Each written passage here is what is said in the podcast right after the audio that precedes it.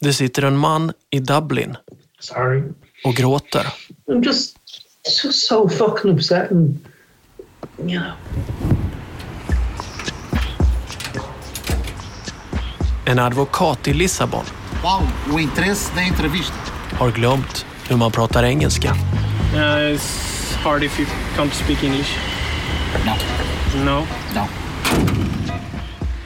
En före detta ambassadör Nej, men alltså det är mycket konspirationsteorier här. Jag kan säga att jag har eh, helt rent samvete. tycker inte om det hon får höra. Jag har eh, inte gett Miranda några som helst eh, order eller sagt till vad han ska göra. Det har jag ingen befogenhet till helt enkelt. Så enkelt är det. En ledamot i Kungliga Vetenskapsakademin Det, det, är alltså, det, är en- är tveksam. jag, jag vet inte, jag tycker det låter lite äventyrligt. Ja, det är det. Ja, Och i Nice funderar en pensionerad försäljningschef Alltså man tänker ju så här att på vad han kunnat göra annorlunda. skulle man ha gjort mer så att eh, det hade varit ett stort åtagande. Och då kan man ju, då kan man ju kämpa med sig själv. Här skulle jag ha tagit det åtagandet? Skulle jag gjort det? Eh, eller gjorde jag fel som inte gjorde det? Vad var, var det liksom moraliskt riktiga? Liksom? Det är knepigt. Och allt kretsar kring en och samma person. Thomas. Mr Thomas. Thomas Fleetwood, this, this Thomas Fleetwood. Thomas Fleetwood. Thomas Fleetwood. Ja, det här låter ju kryptiskt förstås. Och det är ju tanken. För man vill ju börja en historia så. Så att ni ska börja fundera. Men kanske är det för kryptiskt. Eh, ni ska få höra hur jag försökte sälja in den här historien. För det är ju alltid så att när vi gör historier måste vi ju gå någonstans och sälja in dem. Någon måste betala för att det här ska bli av. För mig är det i och för sig lite enklare än för de flesta. För jag kan ringa min kompis Martin. Har du, ti- har du tid? Ja, jag är lite upptagen nu. Jag ska ha ett möte som egentligen har börjat, men vi kör. perfekt att pitcha in en historia då. Ja, men okej, helt kort då. Den här historien är nästan omöjlig att berätta kort, men, men det handlar om... Eh, dels kommer det bli lite resor, så kommer det bli ganska dyrt. Men, eh, Ja. För jag ska till Badgastein och Lissabon och sen eventuellt något mer ställe. Eh, men det handlar egentligen om en kille, då, en man. Eh, Thomas Fleetwood heter han. Det säger mig ingenting. Nej. Ja, men tanken är att det här är en historia som blir lite som ett äventyr. Lite mer Tintin liksom. Ja. Men på riktigt naturligtvis. Och vi, vi kommer att röra oss i, som du hörde på resebudgeten, stora delar av Europa. Hur stor resebudget pratar vi om? Ja, mer än spår. jag, jag får återkomma. Men, men också, Mer, mer än spår? Ja. Mm. ja. men också eh, känslomässigt kommer vi röra oss genom stora områden. ja. Och genremässigt. Alltså jag, jag tror att det här är ett äventyr som sen kanske blir någon form av true crime. Men det kommer sluta i något helt annat som jag fortfarande inte ens vet. Men du, eh, hur många delar pratar vi om då? Absolut sex. Det här är en... Sex delar? Ja. Ja. Det, det här första avsnittet kommer bli lite annorlunda. ja. Det låter Ante. Ja, jag vet. Vad tror du? Är det görbart? jag vet att du ska gå. Vi behöver inte prata mer nu, men... Det låter ju... eh, Ja, men vi... vi, vi eh, ja, men det, jag- litar ju på dig, så att, men, men vi kan väl eh, prata detaljerna sen. Men, men kör. Så, så sätt igång så ser vi vart vi hamnar någonstans. Åh, du kommer ångra det här. Ja, det hörs. hörru. Jag Ja, måste lägga på. Ja, bra. Ja. Hej. Ja, hej. Nu vet jag mycket mer än när jag började undersöka den här historien. Och den har växt. Det här handlar om en man som blir världsberömd under en mycket kort tid. Strax kommer ni höra varför.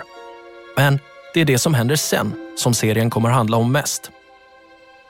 För mannen, alltså Thomas Fleetwood, kommer också bli ett offer för ett brott och bestulen på allt han äger och har. Och det här kommer ske långt hemifrån Sverige där han befinner sig i ett tillstånd där han inte ens kan föra sin egen talan. Skuggland i samarbete med Anton Berg presenterar Thomas Fleetwood. En hisnande historia längs Europas barer och bakgator.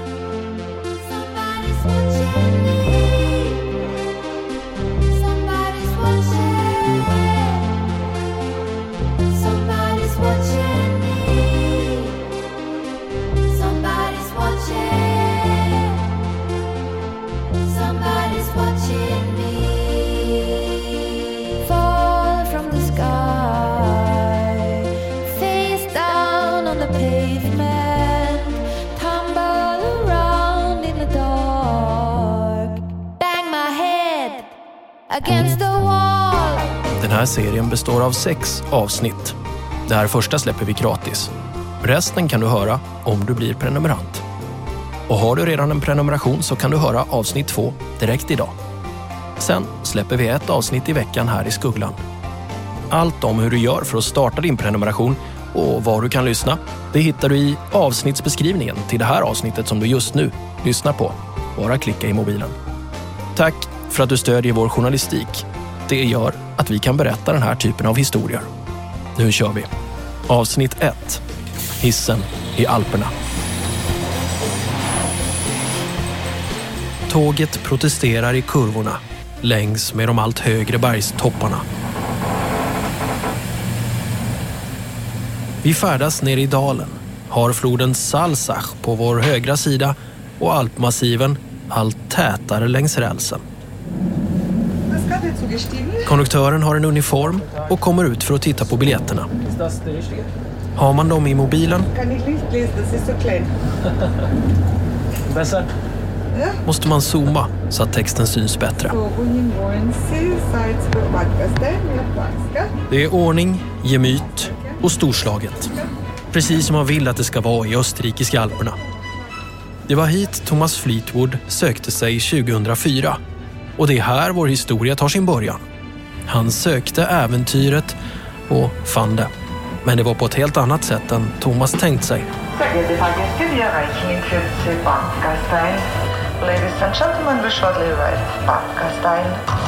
På 1002 meters höjd över havet ligger Badgastein.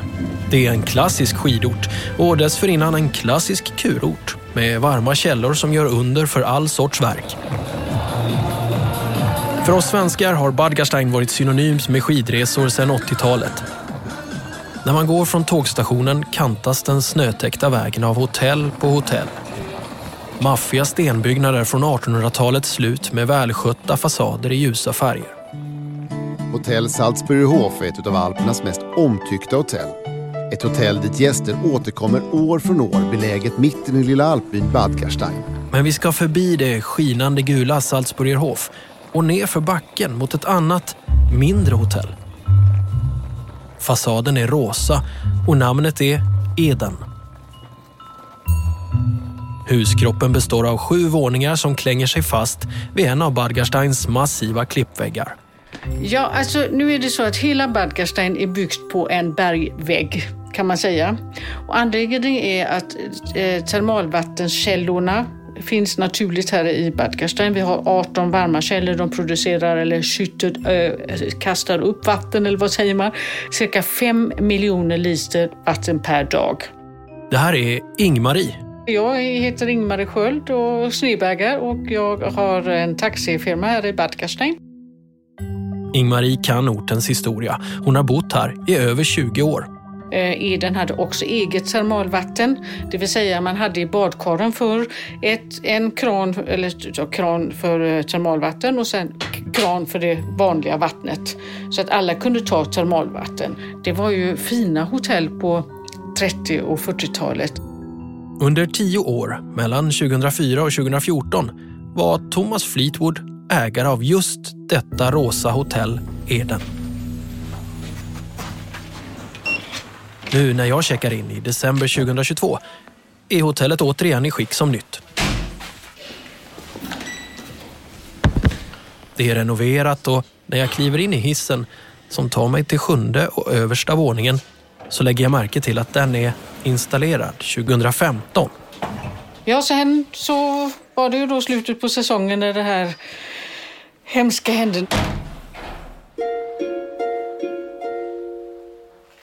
Uppe på översta våningen så får jag, antagligen inte av en slump, bo i samma rum som Thomas Fleetwood hade som sin privata våning när han ägde hotellet. Han bodde ju uppe på, kan man säga, på terrassen, på taket på Eden. Jag har också varit uppe och hälsat på honom där uppe. Jättefint var det med, alltså med, med balkongen och terrassen, alltså läget fantastiskt, fantastiskt. Nu är rummet kanonfint. Det är kristallkrona, det är heltäckningsmattor, rustika takbjälkar och utsikt över både dal och alptoppar.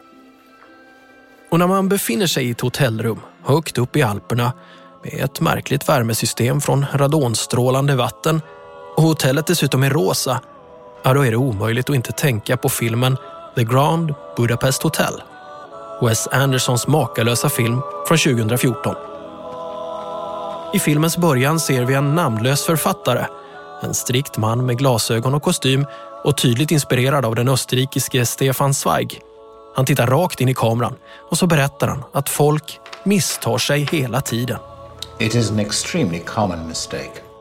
Folk tror att författare är konstant upptagna med att hitta på historier. That he simply dreams up his stories out of thin air.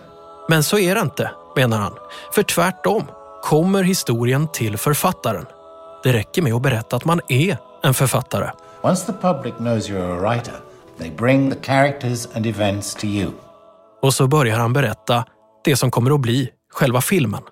The incidents that follow were described to me exactly as I present them here, and in a wholly unexpected way. Om hur han själv som ung kom till det prakt och flärdfulla Grand Budapest Hotel. I decided to spend the month of August in the spa town of Nebelsbad below the Alpine Sudetenwalds and had taken up rooms in the Grand Budapest. A picturesque, elaborate, and once widely celebrated establishment. I expect some of you will know it.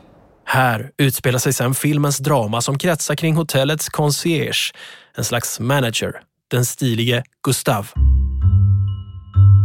Och så är det faktiskt för mig också.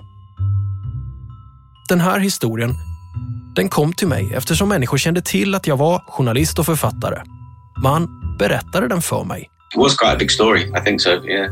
Så nu har jag alltså själv anlänt till ett rosafärgat hotell för att återge ett drama som utspelades innanför dessa väggar. Yeah, this was a shock at this time here, a big shock in, in Bad Gastein. Och även den här historien har alltså hotellets manager som huvudperson. Hotelier Thomas Fleetwood. Jo, vad heter det? Nej, sen så var det en jäkla otäck händelse som hände och... Eh, Och dramat handlar om en händelse som alla som känner Thomas förknippar honom med. Ja. ja, men det är ju för att alla, alla känner ju till det liksom. Det rör en episod som man inte kommer runt eller förbi. Det är ju det är ju en bra story, det är det ju. Och som faktiskt gjorde att Thomas Fleetwoods namn flög över världen några korta dygn 2014. Das Wunder von Bad Gastein, de, de, de, de hade ju honom på första sidan i, i Australien och jag, jag vet inte, i, i flera länder. Och den händelsen sker alltså här. Närmare bestämt i hotellets Hiss, hiss, hiss, står, uh, hiss, uh, hissen, ja. hiss. Visst, det pratades mycket om han i, han i hissen och liksom... De trodde inte att det är sant, de trodde det är, det, det är påhittat, fake, ja. men det var det inte. Did you heard about Thomas and the elevator? Uh, Thomas and the elevator. Yeah, you can say it's uh, a never-ending story. Sist bland alla röster här. Ni kommer få träffa dem alla mer ingående längs den här historiens alla vindlande turer. Hörde ni Olaf van der Wetteren. Han är den nuvarande hotelldirektören. Inte bara för Hotell Eden utan också för det mäktiga Salzburger Hof som ligger ovanför en hundra meter längre upp längs backen. So my name is Olaf von der Wettern. I'm the general manager from uh, the Janus Group here in uh, Bad Gastein and uh, yeah. Olaf van der Wetteren har kraftig grå mustasch och hans blå kavaj har metallknappar som ser ut som om de klätt plagget i flera generationer. Här har kändisar bott sedan 1800-talet. Example, only to give one e- example, Liza Minnelli came here for New Eve party. Yeah, and uh, to celebrate New Year Eve here and uh, sing and um, nah, uh, it was a lot. Uh, Albert Einstein was here. A lot of famous are here, and it was uh, at this time they spell Bad Gastein as a Monaco from the Alps. Men det vi ska prata om nu hände när säsongen var slut. Då förvandlas Bad Gastein till en alpby utan turister och hotellen står tomma. Yeah, yeah. So nearby, I say always it's uh, looks like a ghost house because uh, you know a hotel lives with people. Yeah, you have live music, you have bands or a disc jockey or however. So you have always noises around you. So and and uh, when you stay alone in so big hotel with 145 rooms, Ja, Olaf van der Wetteren är ibland, några få dagar om året, ensam på hotellet. Bland 145 tomma rum. Nah, it's a really special thing. It's it's if you if you visit uh, the, uh, Disneyland and you have this only for you. Yeah, so it's a little bit crazy, strange, you can say. Som att ha Disneyland för sig själv, fast läskigare. Nah, it's really a little bit a ghost house, and and uh, yeah, then it's also because uh, the engineer department it's on day working, but not in in the night, and uh, they switch off all um, lamps and and so on. So my mobile and my lamp, uh, it's my best friend at this time, yeah. But when the hotels are closed and I know no one is here, I take the stairs, definitely. Det är en lärdom som Olaf van der Wetteren dragit av det som hände 2014. Allting börjar måndagen den 15 april. Det verkar bli en helt vanlig dag på översta våningen i Eden Hotel där Thomas Fleetwood har sitt rum. Och jag antar att det är Olaf van der Wetteren som nu ordnat så att jag råkar bo i samma rum. Men då fanns inte heltäckningsmattan eller kristallkronan här. Utan det såg ut som ett helt vanligt gemytligt hem. Ingmarie med taxifirman hälsade ibland på här. Jag vill minnas att inredningen var lite mer eh, äldre modell. Istället för de retro-reklamposters med alptoppar som nu sitter på väggarna så hade Thomas Målningar, alltså, alltså inte planscher utan han hade inga affischer eller något sånt där utan han hade tavlor. Jag ser bara nu alltså några stolar och, och så framför mig och sen så att man gick ut. För att alla gick ut på terrassen för det var utsikten. Det var ju liksom, den var så maffig och det var så häftigt att komma upp. Men den här morgonen vill Thomas komma ner. Klockan är några minuter över sju och hotellet är tomt på såväl gäster som personal. Thomas var helt ensam i hotellet, berättade han. Och eh, han hade på sig en joggingjacka, eller en sån där munkjacka som vi sa förr i tiden på 80-talet, med kapuschong och så vidare. Och eh, han skulle bara åka ner till receptionen och göra någonting och sen skulle han upp igen i lägenheten och göra sig färdig för att åka till sin revisor. Han går de 26 stegen bort mot hotellets hiss, som han alltid gör. Och så trycker han på knappen. The elevator was old. Really old, really old and really small. Men det, och den här hissen var inte... Den, den skakade lite grann. Det är en liten gammal öster, en liten gammal rackare som, som, som gick som tåget. Men det var inte en tidsbomb. Ja, det, det var det ingen tvekan det. På bilderna jag sett efteråt ser man en brun dörr med ett rektangulärt, litet fönster. Och den är ju något större än en telefonkiosk. Liksom. Den är, det är ingen stor hiss. The lift was one of one square meter, yeah, and uh, two meters high. Vi stod väl två personer där utan bagage tänkte jag säga i den där hissen. Då var det fullt. Då var det fullt. Vad Thomas tänker på när han väntar på att hissen ska komma till våning sju, det går inte att säga. Men vad han inte tänkte på, det är enklare att slå fast. För just den här morgonen har Thomas Fleetwood glömt en mycket viktig sak. Normalt sett så har jag alltid min mobiltelefon med mig i fickan eh, dag och natt när hotellet är tomt. Ja, vi kan faktiskt höra Thomas Fleetwood själv berätta. För han intervjuas om det som händer i Sveriges Radio och P4 Extra av Erik Blix. Jag hade lite bråttom, skulle hämta ett papper i receptionen. Jag bor själv och har kontor uppe på sjunde våningen. Och eh, tänker mig inte för, har för mycket i huvudet. Kliver in i hissen, åker ner. Ja, ni har säkert fattat redan nu. Det som händer sen. Hissen stannar på så att säga, eh, en halv trappa upp eh, där hissen stoppar. Och istället för att stanna vid den normala nivån så fortsätter den 40 centimeter eh, ner. Och där står jag. Första jag gör är att klappa på fickorna. Aha, ingen mobiltelefon. Och sen så, ja, inser fakta att eh, hissdörren går inte att få upp. Och eh, fastnade i... Eller hissen fastnade. Ja, Nils Olsson här känner till hissen väl. Han jobbade åt Thomas och drev baren i hotellets källare under fyra år. Han använde hissen varje dag. Hissen är ju en, eh, en liten hiss med rektangulärt långsmalt eh, fönster. Och sen så går man in och då är det en filterklädd matta.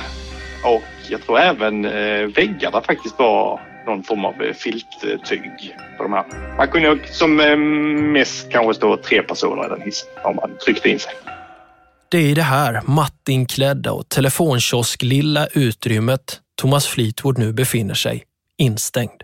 Och då var det väl mer då att bestämma sig för att nummer ett, hålla sig väldigt lugn. Nummer två, förklara för sig själv att det här fixar du. Det är måndag morgon, klockan är 07.04. Bad Gastein är en spökstad som sover. Thomas vet inte då, men han kommer tillbringa en mycket lång tid i den här hissen. Så har han stannat i den här hissen i fyra dagar tror jag. Ja, det är väldigt länge. Det är väldigt länge.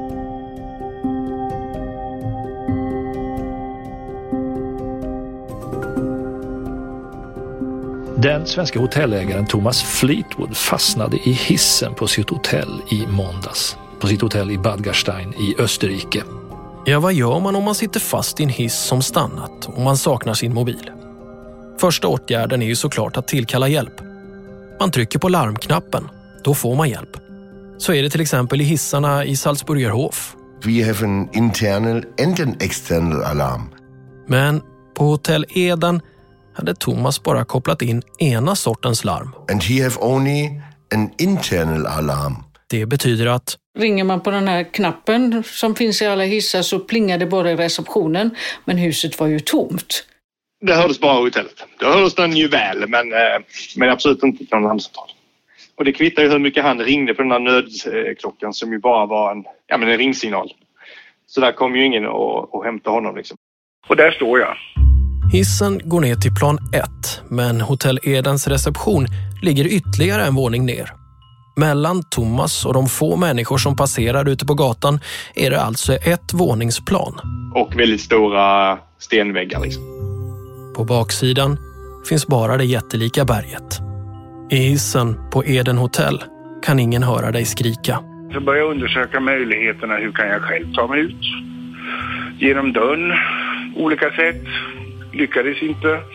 Försöker ta mig upp genom taket eh, på hissen och komma så att säga upp på våningen ovanför ut genom den dörren.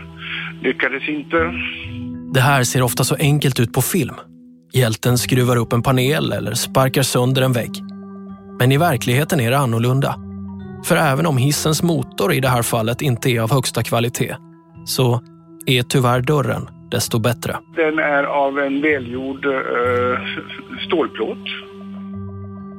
Så i den lilla hissen på hotell Eden i Bad Gastein tvingas nu hotellägare Thomas Fleetwood inse att han verkligen är i knipa och att han inte kan komma ur den på egen hand. Hans gäster har lämnat hotellet. Hans personal likaså. Och vad som gör det hela ännu värre Vem, vem saknar honom? Ingen, ingen, inga syskon, inga föräldrar. Han har ingen barn som saknar honom. Eh, det är de som finns runt omkring där på plats. Men det är ju ingen nära som saknar honom. Och det blir också något påtagligt tror jag i hissen. Sen börjar jag fundera lite på, eh, när man nu står där, var kan räddningen komma ifrån? Ja, då har vi då min, min bagare som eh, levererar bröd till mig då eh, när säsongen har öppet bagaren Manfred Röck. Vi har ett litet avtal att när det ligger post framför huvuddörren på hotellet eh, och han åker förbi så har han fortfarande nyckeln och så brukar han titta in och stoppa in posten och lägga det på ett bord i receptionen. Det här blir Thomas räddningsplan. När, eller om, bagaren Manfred kör förbi och ser att, eller om, det ligger post utanför hotellet, så kommer han gå in med egen nyckel och lägga den i receptionen. Och då kan Thomas ropa på hjälp. Om han är vaken då. Med tanke på att bagaren kommer förbi då på morgonen vid sextiden så bestämde jag mig för att min dygnsrytm skulle vara att gå upp halv sex och gå och lägga mig klockan tio. för att kunna passa honom. Manfred Röck, räddaren med rågen, kommer alltså, kanske, förbi. Och gör han det, då är det klockan sex på morgonen. Så hur gör man då för att justera dygnsrytmen som Thomas säger? För ni ska veta det, från hissen så ser man inte ut. Det smala fönstret i dörren visar bara en stenvägg utanför hissen. Och i hotellet är det mörkt. Men inne i hissen var det bara den här hissbelysningen, den var 24 timmar var det samma ljus. Men han hade ju sin kapuschong. Ja, Thomas Fleetwoods klädval hjälper honom. I luvan skapar han mörker under natten och med hjälp av armbandsuret vet han vad klockan är. Thomas, du låter så otroligt samlad. Var du så här samlad och eh, strukturerad redan från början? Aldrig stressad? Uh, ja, det är, det är klart att, hur ska jag uttrycka det? Man kan gå i panik, men om paniken löser problemet så skulle alla gå i panik. Va? Så, så det, det löser inte problemet. Nej, det där med panik, det verkar något som helt enkelt inte ligger för Thomas Fleetwood. Han har ett problem att lösa och en bagare han inte får missa. Och sen gäller det att få tiden att gå på ett vettigt sätt. Och jag utvecklade, eller utvecklade, men, men bestämde mig för ett litet träningsprogram med tio punkter. Det tog ungefär 20 minuter, en halvtimme att genomföra. Hissen på Eden Hotel byttes 2015. Nu är den större och har både internt och externt larm. Plus att hotellet nu både har gäster och personal. Ändå kollar jag noga att jag har min mobil med mig. Man försöker lägga sig ner här och då är det här ändå lite större hiss nu. Då får man liksom aldrig sträcka ut benen. Alltså, man flyttar på sig. Man kan göra jumpar inne, det fattar jag inte hur han gjorde. Får han plats? Vilka övningar kan man ens göra här? Jägarställning. Han kan inte, man får inte plats att göra sit-ups. Ja, sit-ups kanske, men inte armhävningar. Och så... Finns det ju ingenting att göra. Stå där och titta på den här dörren och inte göra någonting. Så blir ju plötsligt, eh, vad ska jag säga, en sekund blir en timme. Utan telefon eller någonting så är man liksom här. Herregud så tråkigt. Ja, vad gjorde du under de här fyra dagarna?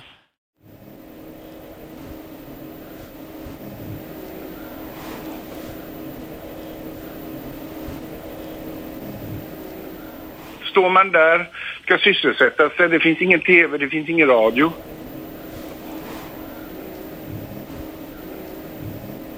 Så får man då spela upp sitt liv i revy.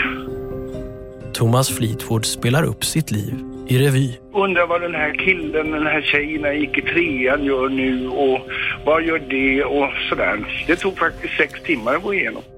Sex timmar underhållning med dig själv i huvudrollen.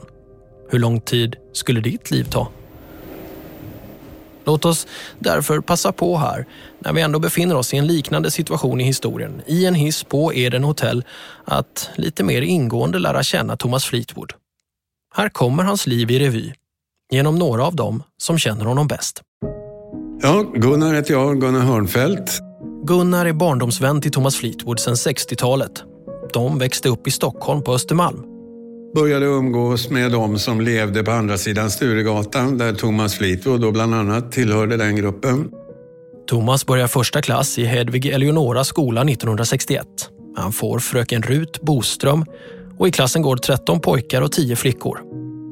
I klasslistan finns visserligen en Tom Burton, men efternamnet Fleetwood sticker ändå ut. Thomas och hans mamma Elisabeth, de var ju verkligen liksom längst ut på yttersta kanten utav den adliga familjen Fleetwood. De betraktades ju nätt och jämt som värdiga. Pappa Fleetwood träffade ju mamma då på, hon var servitris på någon restaurang och han blev ju förälskad och hon också. Och eh, de fick ju barn, även för Elisabeths del, ganska sent och för Thomas pappas del väldigt sent. Jag tror Thomas pappa var kanske 50-55 års ålder, någonting sånt, när han blev pappa. Och med servitrisen då, Elisabeth, som ju var en jätterolig dam, Så att de bodde ju inte heller särskilt ståndsmässigt. De bodde väl i en tvåa eller om det var en liten trea på Artillerigatan. Som var fullbelamrad med gamla släktmålningar och, och släktmöbler och så vidare och så vidare. Och eh, sen dog ju pappa rätt tidigt. Jag har aldrig träffat Thomas pappa. Efter skolan så gör Thomas lumpen. Du har gjort militärtjänsten som jägare. Hjälpte det dig i den här situationen? Ja, det är klart. Att, så, så jag har gjort min militärtjänstgöring uppe i Norrbotten eh, på F21. Och efter militärtjänstgöringen så börjar Thomas sen jobba på Alfort och Kronholm, en färg och tapetaffär i centrala Stockholm. Och där jobbade hans eh, blivande hustru i receptionen på Holländargatan. Susanne. 1986 byter Thomas bransch. Han börjar på Sony. 1990 tar jobbet honom till Köpenhamn. Framtiden finns inom den nya heta mobiltelefonin. Det här med att hålla en mobiltelefon så att man pratar liksom in i telefonen. Det kommer man inte att göra länge till utan man kommer bara ha någon liten grej i örat som han sa och sen så kan man prata på bara. 1996 flyttar Thomas och Susanne vidare till Köln. De var väldigt imponerade av Kölnerdomen bland annat. Sen därifrån så flyttade de så småningom till München. Och då har ju Thomas riktigt kommit upp i smeten om man säger. För att då har han ju Portugal, Spanien, han har liksom massa sådana här länder i, i, i Mellaneuropa och Sydeuropa som är hans ansvarsområde, som är hans marknader. Thomas och jag lärde känna varandra 1997 när jag Lars Lundgren Bingsmark. Jag var försäljningschef för Nokia när Nokia var som iPhone i Skandinavien och blev headhuntad ner till Sony och eh, blev kollega med Thomas och vi blev kompisar då och umgicks då både i Köln och i München. Jag får tag i Lars när han är på väg ut. Eh, Det kan, som en teaser man säga så, han satt ju fast i en hiss och var på alla tv-program i hela Tyskland och Österrike. Va? Han skaffade sig ett Insta-konto som han kallar för Hisspojken sen. Jag vet, du kan ju kolla om det finns kvar. Jag vet, det var ju rätt roligt. Fast det inte var så rolig grej. Så Hisspojken var hans eh, Insta-konto. Jag ringer dig från bilen, Anton. Ja, sök ni på Instagram. Hisspojken heter alltså kontot. Lars Lundgren Bingsmark ringer upp igen från bilen. Han bor numera i Nice.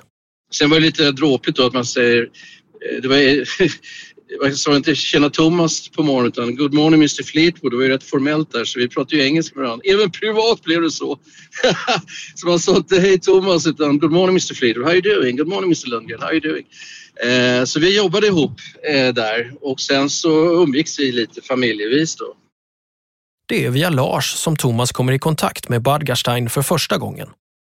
Thomas kom och hälsade på oss eh, i Bad Gastein där vi brukade bo på samma ställe Eh, där man kunde lämna barnen på ett skiddagis eh, från 9 till 2 så vi hängde alltid eh, i den byn så vi skulle kunna åka skidor själva då lite.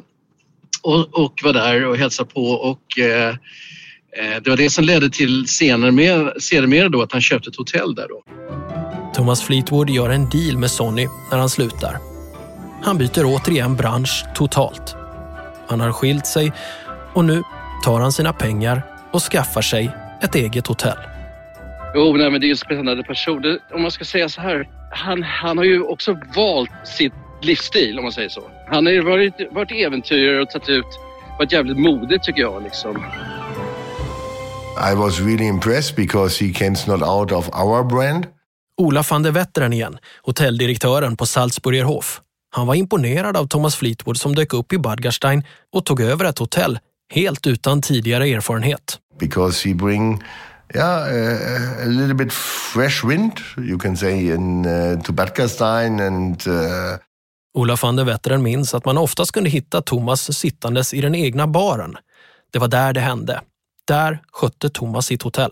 You can say it was also, also Thomas' working place. So it means uh, where he do the stable work and, and where you found him always, yeah, because it was a communication place.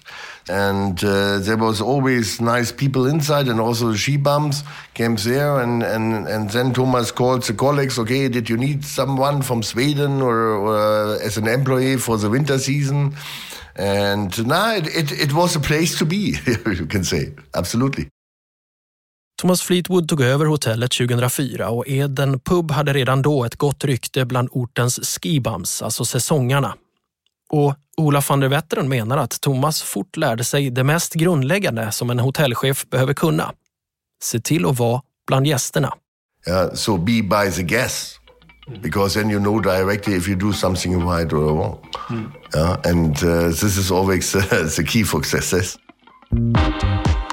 Så Eden Pub blev Thomas kontor och där mötte han alla. Gammal som ung, turist eller säsongare. Jag lärde känna Thomas i eh, Bad Gastein, just på eh, puben Eden. Ni minns kanske lärdomen från författaren i filmen Grand Budapest Hotel tidigare. Once the public knows you're a writer, they bring the characters and events to you.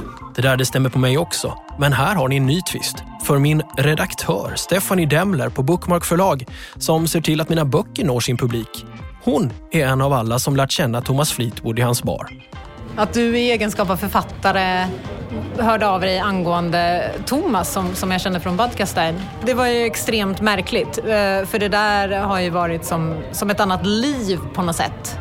Man, man hängde i Bad Gastein några år, eh, festade järnet. Eh, sen åkte man hem till Sverige och blev seriös. Ja, för det fanns en tid innan Stephanie Demler läste mina råmanus och såg till att de till slut gick att ge ut. Det fanns en tid när Stephanie Demler var 20 år gammal och levde livet i Alperna. Man hängde ju kanske mer på afterski än man var i skidbackarna. Eh, Och Eden var ju ett ställe man gärna hängde på.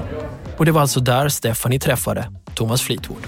En, en eh, skön eh, kille. Eh, Man märkte inte riktigt av den uppenbara åldersskillnaden utan man kände sig alltid välkommen på Eden.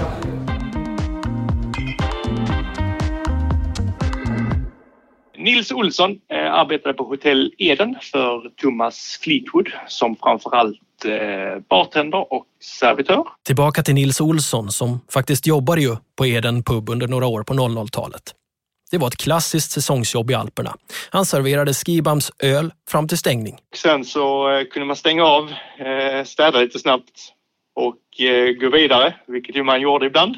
Eller så gick man eh, det smarta beslutet gick upp och la sig och sen upp och åka skidor tidigt dagen efter. Svårare än så var inte livet. Nils Olsson minns Thomas Fleetwood som en bra arbetsgivare och chef. Han ville ju verkligen att man skulle trivas och att personalen skulle ha det bra. Liksom. Därav också att majoriteten var ju kvar flera år. Liksom. Thomas satt ofta i baren och pratade med både gäster och sin personal. Ja, men han var snackeglad. Eh, gillar ju absolut att prata om sig själv, det ska man inte sticka under stol med. Men eh, också väldigt eh, liksom ödmjuk och faktiskt undrar hur, hur det är med en som människa. Liksom. Verkar han trivas med livet? Eh, ja, det vill jag nog säga.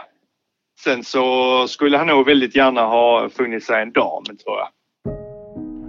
Det var ju som ett, rå, ett rosa stenhotell som låg längst ner vid en backe med ett rykte om sig att ha vilda fester på baren ungefär.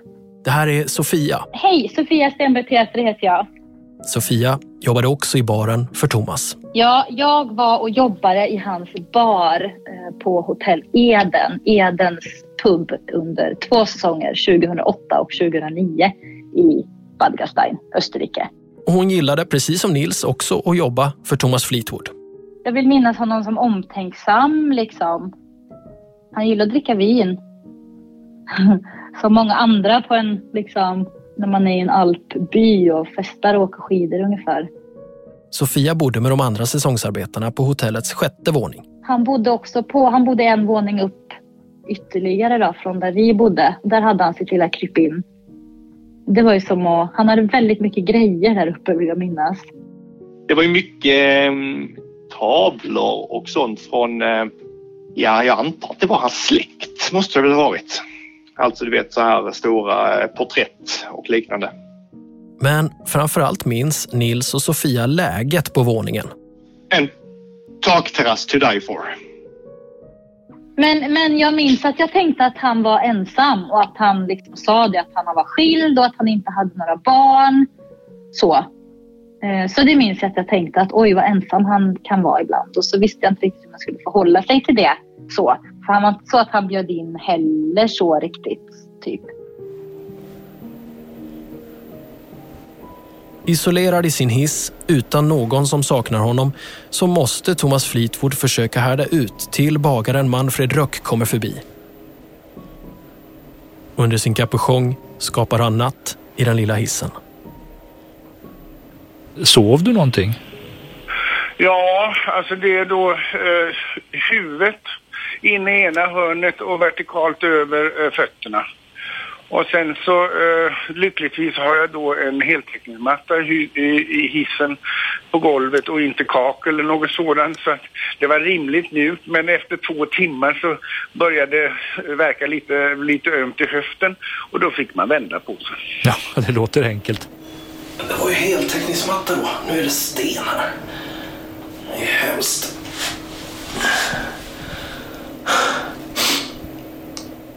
Var kissar du någonstans? Jo, man kunde kissa liksom emellan där, liksom ner i hisschaktet liksom. Kunde man ju liksom kissa. Man behöver inte kissa precis på hissgolvet där han befann sig då. Jag tror att hungern, hungern är det som är jobbigast den första tiden. Sen när man inte har ätit på väldigt länge så slutar kroppen känna hunger. Då kommer törsten och den måste också ha varit jätte, jättejobbig. Liksom när man är så törstig, törstig, törstig. Alltså, han har genomgått alltså, fruktansvärda saker. Och mycket av den, så att säga, det man lär sig i militära, men också här nere till exempel i Alperna med, med uh, lavinutbildning. När det händer, man blir instängd, vad gör man? Det, det är samma utbildning. Ja. Ta det lugnt, uh, räkna på att det, det, allting kommer att ordna sig och få tiden att gå. Måndagen går. Det blir kväll. Thomas är i hissen. Det blir natt. Thomas vänder sig om varannan timme. Det blir morgon. Thomas tar av sig kapuschongen och låter hissens ljus simulera dag. Tisdag. Ingen bagare i sikte. Thomas gör sin träning. Sen händer ingenting. Repeat.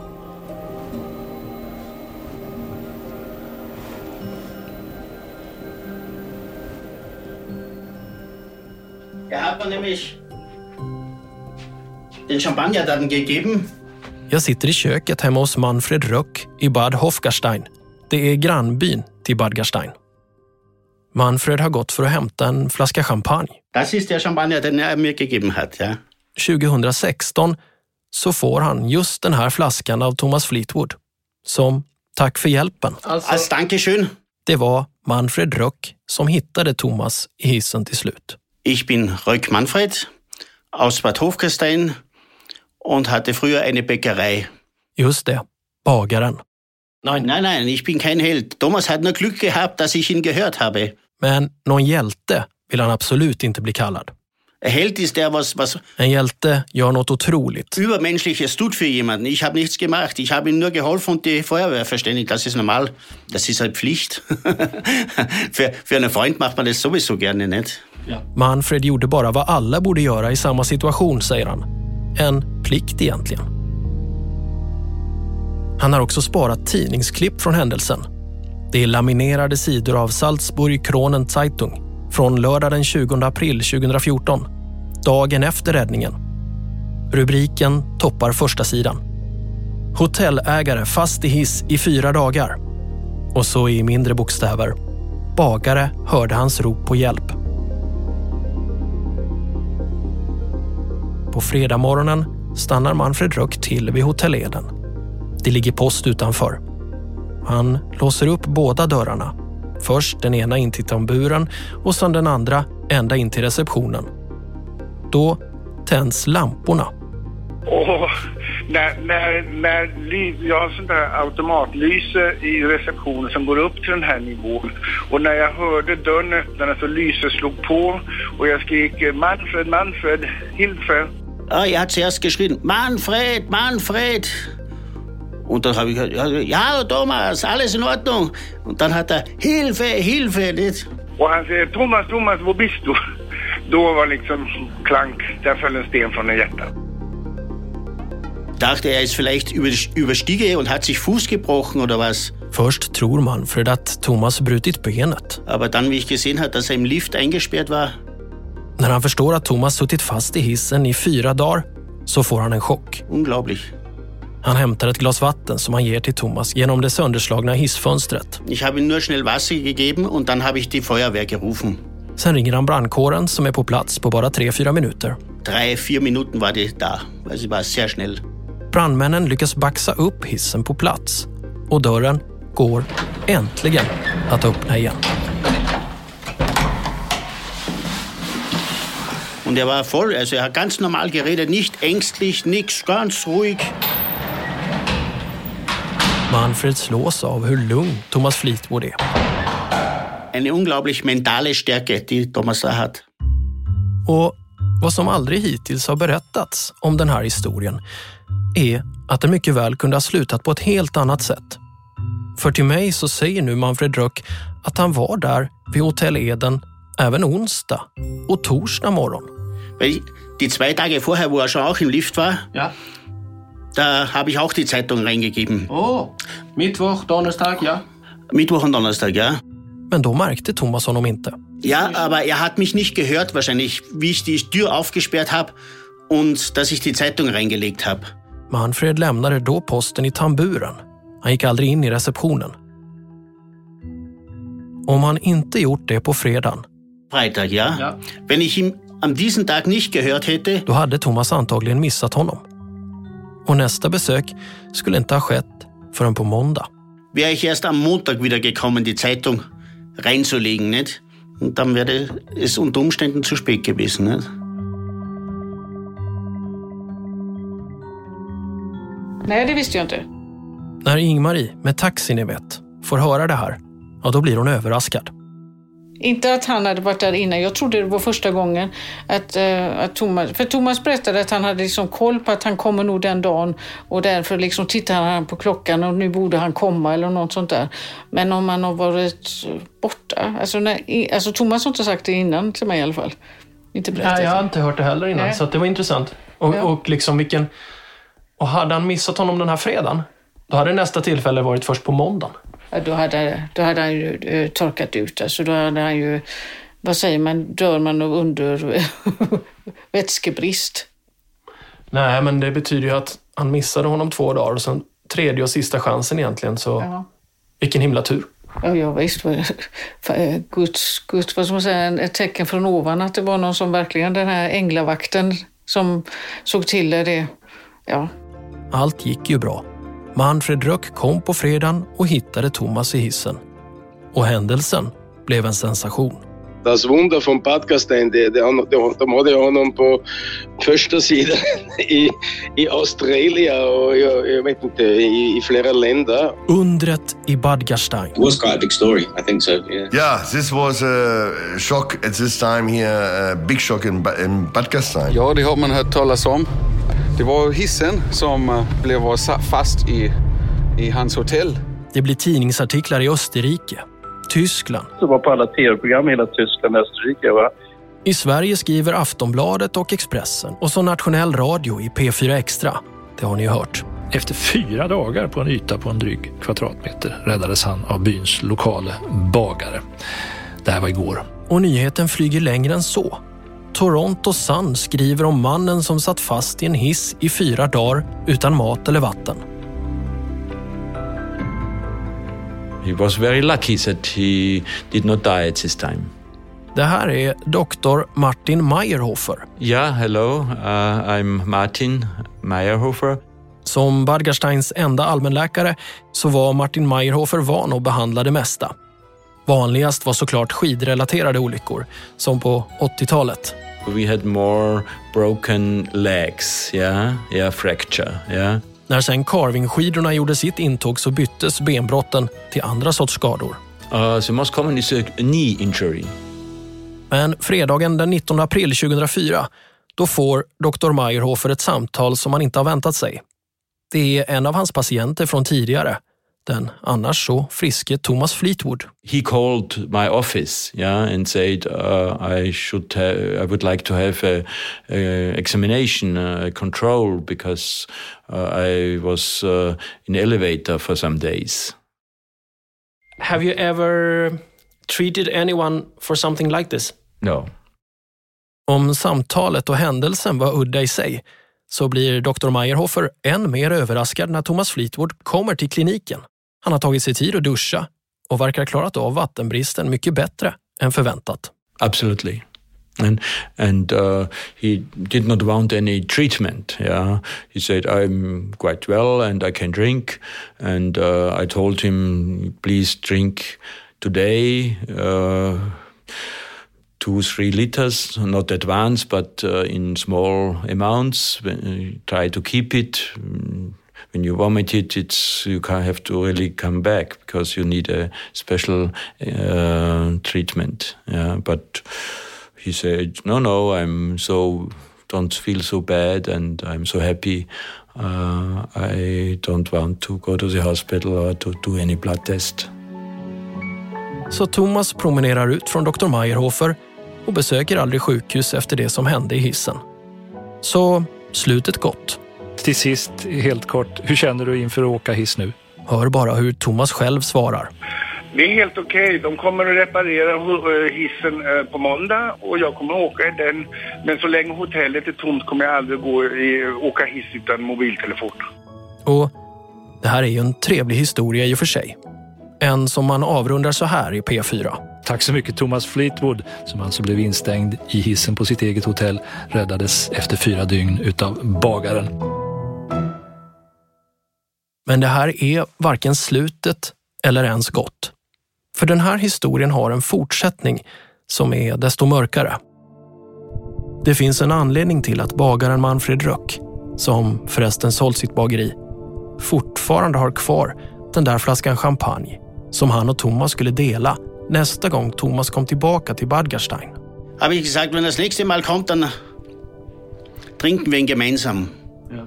Und jetzt geht's doch nicht. das ist doch was Schlechtes, ne? Ja. Dessutom, om den här historien tagit slut med att Thomas räddats ur hissen, då hade ni undrat. Vad då? Det här ska ju vara sex avsnitt. Det står ju i poddspelaren. Eller som Nils Olsson spontant utbrister. Men vad, vad liksom, ehm, det må ju vara en intressant profil och en, en härlig människa. Men det är ju inte riktigt i, ehm, eh, vad ska vi säga, det är ju inte P3 Dokumentärklass. Så kan vi väl säga. Nej, det har Nils helt rätt i.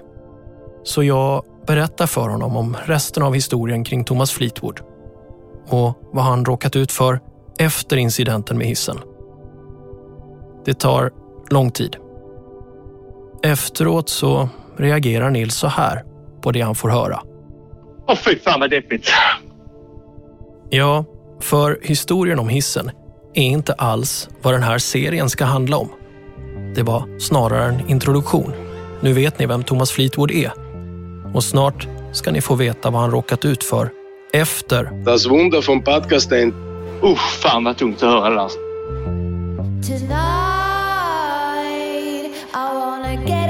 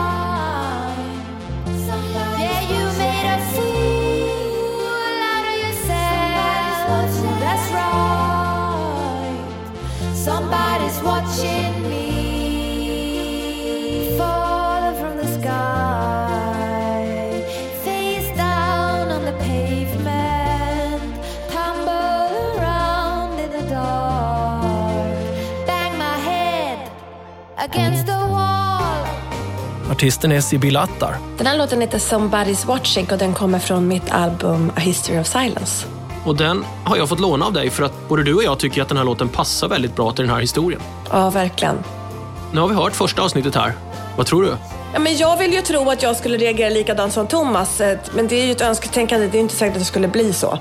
Men eh, man tänker ju mycket på hur det skulle vara och hur man själv skulle reagera helt enkelt, där i hissen. Ja, jag vet, och det här är liksom bara början på den här historien.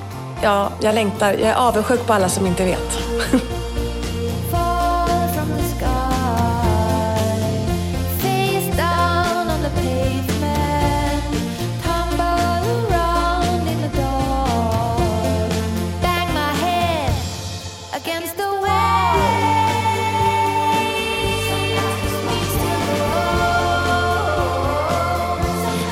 här var alltså första avsnittet av totalt sex. För att lyssna vidare behöver du teckna en prenumeration. Allt om hur du gör för att starta din prenumeration och var du kan lyssna, det hittar du i avsnittsbeskrivningen till det avsnittet som du just nu lyssnar på. Så fort du har tecknat en prenumeration, eller om du redan är prenumerant, så kan du höra avsnitt två som vi också släpper direkt. Därefter kommer ett avsnitt i veckan här i Skuggland. Och den här serien om Thomas Fleetwood och hans historia, den görs av mig, Anton Berg, i samarbete med Skuggland och Third Air Studio. Exekutiv producent och ansvarig utgivare är Martin Jonsson. Ljudtekniker är Gustav Sondén. Hör av er på sociala medier med tips, pepp, frågor och kommentarer. Sök på Anton Berg. Utan H så slipper ni chokladen.